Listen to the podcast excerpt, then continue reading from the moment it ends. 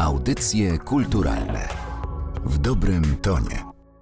Przyjmuje się, że jeśli sam proces twórczy jest ważniejszy od samego obiektu na obrazie, mamy do czynienia ze sztuką konceptualną. W kolejnym odcinku Abecadła Kortegardy i, jak idea, przyjrzymy się konceptualizmowi. E, Nazywam się Kasper Andruszczak i goszczę dzisiaj Agnieszkę Bobłowską-Bednarkiewicz, historyczkę sztuki, kuratorkę Kortegardy Galerii Narodowego Centrum Kultury. Dzień dobry Agnieszko, bardzo miło mi Ciebie gościć w audycjach kulturalnych w Abecadle Kortegardy. Dzień dobry Państwu, dzień dobry Kacprze. Dzisiaj porozmawiamy o konceptualizmie. Z konceptualizmem nie jest tak łatwo, ponieważ jest to termin bardzo trudny, trudny też do wytłumaczenia, nie tylko dla historyków sztuki, także dla tych wszystkich, którzy sztuką się interesują, bo tak naprawdę, aby określić konceptualizm, możemy szukać wiele pojęć, które się z tym konceptualizmem wiążą. I ta definicja nigdy nie będzie wystarczająca, prawda? Nie jest to nigdy zero-jedynkowe. Tak, no czy najprościej rzeczywiście powiedzieć, że konceptualizm to koncept, właśnie idea, czyli coś, co jest niematerialne, co powstaje w głowie artysty i co potem artysta przekłada na działanie. Y, z tego może wyjść jakiś efekt, ale wcale nie musi. A każdy efekt, który powstał, jest jak gdyby wtórny do, do dzieła, które powstało w bardzo konkretnym czasie i miejscu. My możemy tylko słuchać trochę o tym i czytać, niż oglądać, co zresztą y, mieliśmy tutaj też y, już poza anteną dyskusję na temat wystawy, w której właśnie pokazywaliśmy dzieła sztuki konceptualnej z Osiek z roku 70, gdzie właśnie konceptualiści wystąpili taką bardzo dużą mm, grupą, przede wszystkim artystów z Wrocławia. Y, To była wystawa w Kortegardzie rok temu, Osieki 7021. Tak. Y, To był Osieki Plener 70. Plener tak. 70, e, którą kuratorowałaś, prawda? I tam właśnie mieliśmy do czynienia z pracami konceptualistów. E, I jedna z nich w ogóle była niezrozumiała, prawda? Były dwa y, obrazy profesora Makarewicza. Jedno się nazywało Proces Formuły X, a potem drugi Formuła X. Jeden był y, to ogromna płaszczyzna y, pokryta czarną farbą, na której były różnego rodzaju równania. Od razu powiem, że te równania były dosyć absurdalne. Natomiast drugi, druga część, drugi obraz, ale on stanowił pewnego rodzaju dyptyk z tym pierwszym, był czarną płaszczyzną. Natomiast e, te dwa obrazy powstały na, też jakby głównym działaniem Zbigniewa Makarewicza był e, wygłoszenie referatu, w której on bronił tej, tej e, Formuły X i co wiemy z osób, które przebywały w Osiekach, między innymi Jerzego Ludwińskiego, który był takim głównym e, teoretykiem tej, tej, tej nowej sztuki konceptualnej, która się pojawiła pod koniec lat 70. w Polsce, mm, który powiedział, że w swoim absurdzie profesor dzisiejszy profesor Makarewicz, a wtedy Zbigniew Makarewicz, doszedł do bardzo logicznych wniosków. Ale nie mamy zapisu tego wykładu. Wiemy tylko, z, z, jak, jaki był ich wynik albo atmosfera z innych e, ust. Bez tego widzimy efekt, który jest tak naprawdę pewnym ułomnym e, świadectwem tego, co się stało. To bardzo ciekawe, bo konceptualizm e, w Polsce oddziaływuje troszkę inaczej niż na świecie. Na świecie jednak, tak mi się wydaje, wiąże się szczególnie z performatyzacją, z happeningiem, z ready-made. Więc generalnie to są różne dziedziny, które, które w konceptualizmie mm, się zawierają. Tutaj myślę, że można podać nazwisko Josepha Boyce'a, prawda? Jego performance z Kojotem, kiedy on w tym szarym płaszczu nasmarowany bodajże miodem przyjeżdża prosto z lotniska do, do tej sali ekspozycyjnej, cały w, ubrany w tym płaszczu, jest zamykany z kojotem. Myślę, że to jest bardzo ciekawe i takie bardzo pokazujące o tym, co, o czym właśnie mówisz, Agnieszko, o ten proces właśnie, pomysł, ideę, koncept, że to wszystko zbiera to całe pojęcie. W Polsce konceptualizm y, jest też trochę takim buntem przeciwko polityce i przeciwko sytuacji politycznej, w jakiej artyści muszą sztukę tworzyć, prawda? Tak, no też pamiętajmy, kiedy one powstały w Polsce. To jest oczywiście procesy równoległe. Na świecie też w tym samym okresie konceptualizm przeżywał swój rozkwit. Natomiast rzeczywiście w Polsce była specyficzna sytuacja polityczno-społeczna. To już był druga połowa lat 60. Jak gdyby ta, ten system totalitarny, w którym myśmy żyli, taki socjalizm, komunizm, był już oparty jeszcze na pamiętanym bardzo dobrze systemie opresyjnym lat 50. w czasach stalinowskich. Już nie, może nie, nie miał tak krwawej twarzy, ale jednak e, ten wpływ e, i, i struktur totalitarnych był dosyć istotny w życie społeczne oraz w życie pojedynczych ludzi, ale także mm, wszyscy sobie zdawali sprawę, że y, ta ideologia jest tylko fasadą, jest złudzeniem, które przykrywa właśnie to totalitarne oblicze. Wobec tego bunt artystów i wyjście poza to jest, było też bardzo mocnym akcentem politycznym, bo oni się wyłamywali z pewnego struktur myślenia, z pewnej hierarchii, tworząc coś, na co władza nie miała zupełnie żadnego wpływu, co powodowało ogromny niepokój, bo gdzieś y, u, sensu konceptualizmu leży też y, wolność, wolność artystyczna w pierwszym rzędzie, ale wolność też y, człowieka, artysty jako człowieka. Który może pozwolić sobie na eksperymentowanie i na, na poszukiwanie tej formy, a nie tylko ograniczyć swoją działalność tak naprawdę do procesu mm, wytwarzania obrazów, takiego procesu rzemieślniczego. Tutaj pokazywana jest sztuka jako jako też taki proces myślowy, prawda? Tak, tak, tak, właśnie proces takiej wolnej myśli. Ja też, e, jak e, rozmawialiśmy o tej programie, e, obydwoje stwierdziliśmy, że dobrze to zilustruje akcja Jarosława Kozłowskiego, jednego z konceptualistów polskich, który w, na plenerze w Osiekach stworzył taką akcję, że w różnych miejscach i ośrodka wypoczynkowego, w którym mieszkali, ale też w, na plaży, w różnych miejscach poustawiał tabliczki Sfera Wyobraźni. I one w zależności od tego, w jakim kontekście były położone, bardzo różnie działały. Jeżeli to były dwa łóżka, które były w ośrodku wypoczynkowym, to oczywiście była pewnego rodzaju, e, skierowało pewnej frywolności. E, natomiast nad śmietnikiem miało to już zupełnie inny wydźwięk. Na, nad torami kolejowymi, nad, e, czy nad morzem, prawda? Nad morzem kompletnie inaczej to było odebrane. Ta sfera wyobraźni zaczynała pracować w różnych miejscach inaczej. Artysta powtórzył to y, kilka miesięcy później w Poznaniu, chodząc od miejsca do miejsca i układając te tabliczki. Ale tak jak mm, w Osiekach, czasie e, pleneru, na plaży, latem, gdzie była niewielka ilość osób, e, te tabliczki były e, politycznie neutralne. Natomiast w Poznaniu okazało się, że one nie są neutralne politycznie i za artystą chodzili ubecy i zbierali te tabliczki, uważając, że jest to zagrożenie. I myślę, że tutaj jest taki główny, główna różnica pomiędzy zachodnim konceptualizmem, a ten, który się miał miejsce w Europie Europie Środkowo-Wschodniej, bo myślę, że to nie, nie jest tylko nasza specyfika, ale mm, ta wolność, która, którą reprezentowali artyści, wolność tworzenia, była bardzo niepokojąca i politycznie niepoprawna w tamtym czasie niepoprawna także um, przez trudność określenia, jakie będą efekty tej twórczości. Tutaj um, ta twórczość była bardzo niejednoznaczna.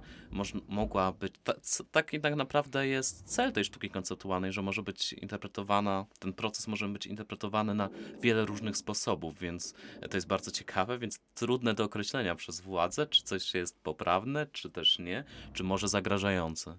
Tak, tak jak rozmawialiśmy o tej formule X e, Zbigniewa Makarewicza, on y, gdzieś zaznaczył, że Formułą X jest cokolwiek my chcemy.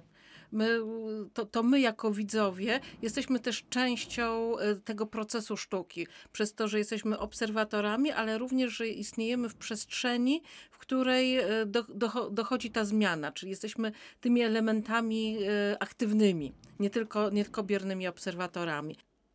Jarosław Kozłowski zrobił też e, jeszcze jeden e, taki akt konceptualny. To się nazywało ekspozycja albo czasami kreślenie. To był 69 rok. On na mm, chodniku we Wrocławiu, e, to zresztą była propozycja do mm, Wrocław 70, Sympozjum 70, fantastycznego zupełnie czasu dla konceptualistów, którzy przygotowali bardzo różne działania. On kreślił na mm, chodniku za pomocą e, różnych przyrządów linie nie, nie było ważne, co kreśli, tylko sam akt kreślenia. I też wydał manifest do tego wszystkiego, yy, gdzie powiedział, że kreślić i mierzyć może każdy za pomocą czegokolwiek, czy miarki, czy ołówka, czy yy, nitki. Yy, jakby, że on zaprasza do tego rodzaju działań. I cudowne są zdjęcia, które z tej akcji powstały, a mianowicie trójka zafascynowanych dzieci, którzy ogląda kreślące, kreślącego na chodniku kredą artystę i różni panowie w kapeluszach, którzy z niepokojem y, się y, przypatrują tym działaniom. Dzieci były zaintrygowane, panowie byli zaniepokojeni. Zaniepokojeni, co z tego wyniknie, z tego kreślenia i skreślania. I tak naprawdę, co, co on kreśli, prawda? To, to było bardzo... Myślę, że dla nas teraz jest to zupełnie inaczej my odbieramy. Jednak ta y, sfera wolności, w której my żyjemy, daje nam zupełnie inny punkt odniesienia niż y, wtedy w latach 60. Też społeczeństwo było zupełnie inne, bardziej schierarchizowane, bardziej tradycjonalistyczne w takich różnych aspektach życia społecznego. Ale e, też w humanistyce nawet jest to inaczej, e, inaczej określane. Dzisiaj do tych wszystkich działań po zwrocie e, performatywnym, po zwrocie tak naprawdę w humanistyce całkiem inaczej opisuje się sztukę konceptualną jako dzisiaj taką w sumie klasyczną. Dzisiaj działania konceptualistów, nie tylko tych których wymieniłaś także na świecie, czy Duchampa, czy nawet performerów typu Abramowicz, uznaje się po prostu za klasyków, więc też dokonał się swoisty zwrot od tak. takiej sztuki trochę buntu, właśnie odwrócenia się od końcowego efektu, skupieniu na, na, na procesualności, no do, do, do idei właśnie do tego i, i to stało się absolutnie klasyczne. Ale co należy zaznaczyć właśnie odnośnie tej polityki, o której mówiłaś, o sytuacji politycznej, jest to też bunt przeciwko nazywaniu i takim nadawaniu takich etykiet, że sztuka, no to wiemy, co, to, co oznacza sztuka, wiemy, co oznacza galeria, wiemy, co oznacza muzeum, jakie mają funkcje, takiego zero-jedynkowego patrzenia na pewne pojęcia, które które dotyczą po prostu sztuki i miejsc, w których sztuka ma być pokazywana. O tym też pisze Ludwiński. Tak, tak, tak. Właśnie Ludwiński na, w Osiekach, właśnie na plenerze 70, wygłosił swój słynny tekst Epoka postartystyczna. I on właśnie w tym tekście bardzo mocno pokazywał, że te wszystkie instytucje kultury, one y, są już martwe, bo istniejemy na ruinach y, wiedzy i ideologii, że one po prostu są takim e, martwym grobowcem. Natomiast jeżeli chcemy uczestniczyć w sztuce, to trzeba stworzyć jednak zupełnie inną przestrzeń do tego, właśnie w takim procesie, że nie, nie może być czegoś takiego, że artysta pokazuje obraz, a bierny widz ogląda, że to już jest e, przeszłość, która powinna się radykalnie skończyć. Takie myślenie partycypacyjne w sumie, jakbyśmy dzisiaj uznali. E, bardzo modne dzisiaj jest swoją bardzo drogą, bardzo popularne. Tak, i widzimy widzimy, jak wiele muzeów po prostu stara się połączyć tą jednak tradycyjną rolę um, przekaźnika wiedzy, takiego nośnika po prostu informacji, a pomiędzy procesem y, świadomości, czy poszerzania świadomości, te wszystkie działania edukacyjne, które są teraz y, obowiązkowe w każdej instytucji kultury, gdzieś chyba można rzeczywiście znaleźć korzenie, y, może dalekie korzenie, ale, ale w myśleniu w myśleniu Ludwińskiego. Ale jeszcze, jeżeli mówimy o latach 60., to mm, mówiłam o tej, tej sytuacji społeczno-politycznej, o tej ułudzie, ale y, myślę, że warto też powiedzieć, że to był czas zjazdów, sympozjów i plenerów. I to jest bardzo też istotny element wymiany myśli. Artyści, którzy y, y, mieszkali w różnych częściach Polski, na plenery w Osiekach przyjeżdżała naprawdę cała Polska, bardzo wybrana i byli to, to ludzie zaproszeni. To było miejsce bardzo prestiżowe. Mm, ale to, to, to było miejsce, gdzie rzeczywiście można było się spotkać nie tylko z artystami, którzy tworzyli różne działania czy, czy, czy obiekty, y, ale również z krytykami sztuki. To byli krytycy, którzy bardzo często przyjeżdżali na przykład z zagranicy, przywożąc nowinki. Także to, to, to był taki rozsadnik myśli, który potem eksplodował właśnie tymi wszystkimi też działaniami konceptualnymi. Dlatego te, te, te procesy były równoległe, e, ale mm, równoległe przez zasłyszenie, a nie przez obejrzenie czy uczestnictwo w tym, co czy, było czy na zachodzie. powtórzenie na przykład. Czy, czy powtórzenie. Tak. Dlatego bardzo dużo jest oryginalnych, tak też jak rozmawialiśmy o Barbarze Kozłowskiej, prawda, o jej takim bardzo mocnym działaniu, które się nazywa linia graniczna. Kiedy y, w czasie podróży nad Bajkał ona y, rozpoczęła akcję wyznaczenia linii granicznej. Y, ona wyznaczała granice własnej wolności. Wiodła to przez cały, cały świat, poprzez Polskę. Też była w Szkocji, wyznaczała tą linię graniczną i, na, i w Pacyfiku. I to jest rzeczywiście bardzo takie długo, długotrwałe działanie, bardzo konsekwentne. No i bardzo nowoczesne. Bardzo nowoczesne, można powiedzieć nawet takie symboliczne i, i, na wielu płaszczyznach oddziałujące. To bardzo ciekawe, bo tych kobiet artystek, które też tworzyły w, w nurcie, oczywiście w cudzysłowie w nurcie, no bo ciężko nazywać to jakimś jednorodnym nurtem, no ale w nurcie konceptualizmów jest więcej, bo tak samo Natalia LL czy Ewa Partum to były artystki, które jakąś y, przez konceptualizm wyrażały siebie i, i, właśnie przez różnego typu działania mówiły o, o sytuacji także swoich jako artystek i także o sytuacji politycznej. Tak, zdecydowanie. One były rzeczywiście na samym początku marginalizowane. To nie było tak, że um, to było łatwe. Jak e, oglądałam z tych osiek, gdzie też występowała Natalia E.L., ona zrobiła bardzo ciekawy, e, ciekawy obiekt. To był list gończy właśnie za mm, Jerzym Ludwińskim. E, bardzo było to zabawne. Z jednej strony była, mm, to, to był sześcian, powtórzony dziewięć razy, układany w, w kwadraty. E, z, jedna strona była ze zdjęciem Ludwińskiego, druga była z kartą wędkarza, trzecia z wizerunkiem lasu, piąta była e, z cygarem, już nie pamiętam jaka była szósta, ale w każdym razie to były bardzo, bardzo różnego rodzaju Y, zdjęcia, które naklejając na y, ten sześcian. sześcian można było wyrzucać dowolnie, dowolnie pokazywać. Y, ona też bardzo ciekawie to ustawiała, Natalia LL, stawiając na przykład na ścieżce. Także trzeba było to ominąć, prze, przejść. Albo przesunąć. Albo przesunąć, albo rozrzucić jeszcze raz. I tak, no i to, to było rzeczywiście też zupełnie inną sztuką niż byli przyzwyczajeni między innymi notable, którzy przyjeżdżali na każde zakończenie pleneru w Osiekach. I mamy cudowne zdjęcia z, um, archiwalne, które pokazują nam um, z pobliskiego Słupska um, różnych bardzo ważnych osobistości. Ja to oczywiście nie, nie wiem, kim oni byli dokładnie, natomiast domyślam się, że tam byli i funkcjonariusze pantyjni i władze miasta, którzy byli ubrani w garnitury, w krawacie i nagle wchodzili w bardzo ciekawą, dziwną przestrzeń.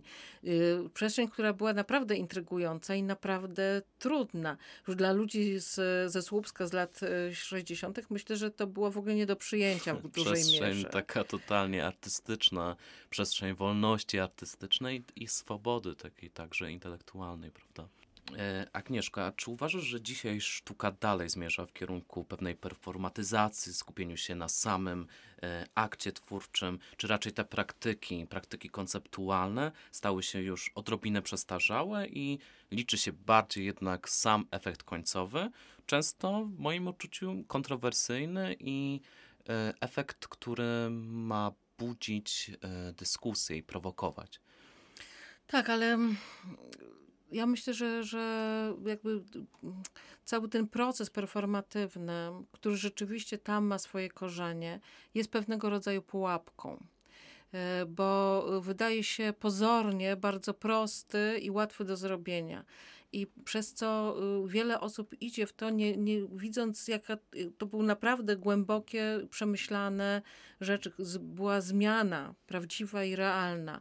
Natomiast teraz bardzo często mm, istniejemy w sytuacji, kiedy ta performatywność jest pewnego rodzaju eventem, a nie jest y, prawdziwą zmianą. Czyli taka sztuka, jakbyśmy to mm, nazwali, e, sztuka porażki trochę, czyli sztuka powtórzenia, która, no, która przez sam akt powtórzenia już się nie wydarzy, już nie powtórzy się ten sam proces i to już nie będzie na tyle odkrywcze i, innowatorskie. Tak, znaczy to jest tak, znaczy jeżeli sztuka jest głęboka, głęboko przemyślana, to wszystko jedno, jakie użyjemy narzędzia, to ona się obroni. Natomiast jeżeli to jest tylko takie mechaniczne powtórzenie, które jest łatwe i proste, to niestety, znaczy ta miałkość wyjdzie. Także myślę, że można spokojnie czerpać z, z doświadczeń konceptualizmu i iść tą drogą, ale trzeba bardzo uważać. Ale tutaj to, co y, też powiedziałeś, że rzeczywiście performatywne działania konceptualne zmieniły obraz sztuki i myślę, że zmieniły na trwałe. Moim gościem była Agnieszka Bełbłowska-Bednarkiewicz. Bardzo dziękuję Agnieszko za rozmowę. Ja również. E, a to był cykl e, audycji kulturalnych Abecadło Kortegard. Audycje kulturalne w dobrym tonie.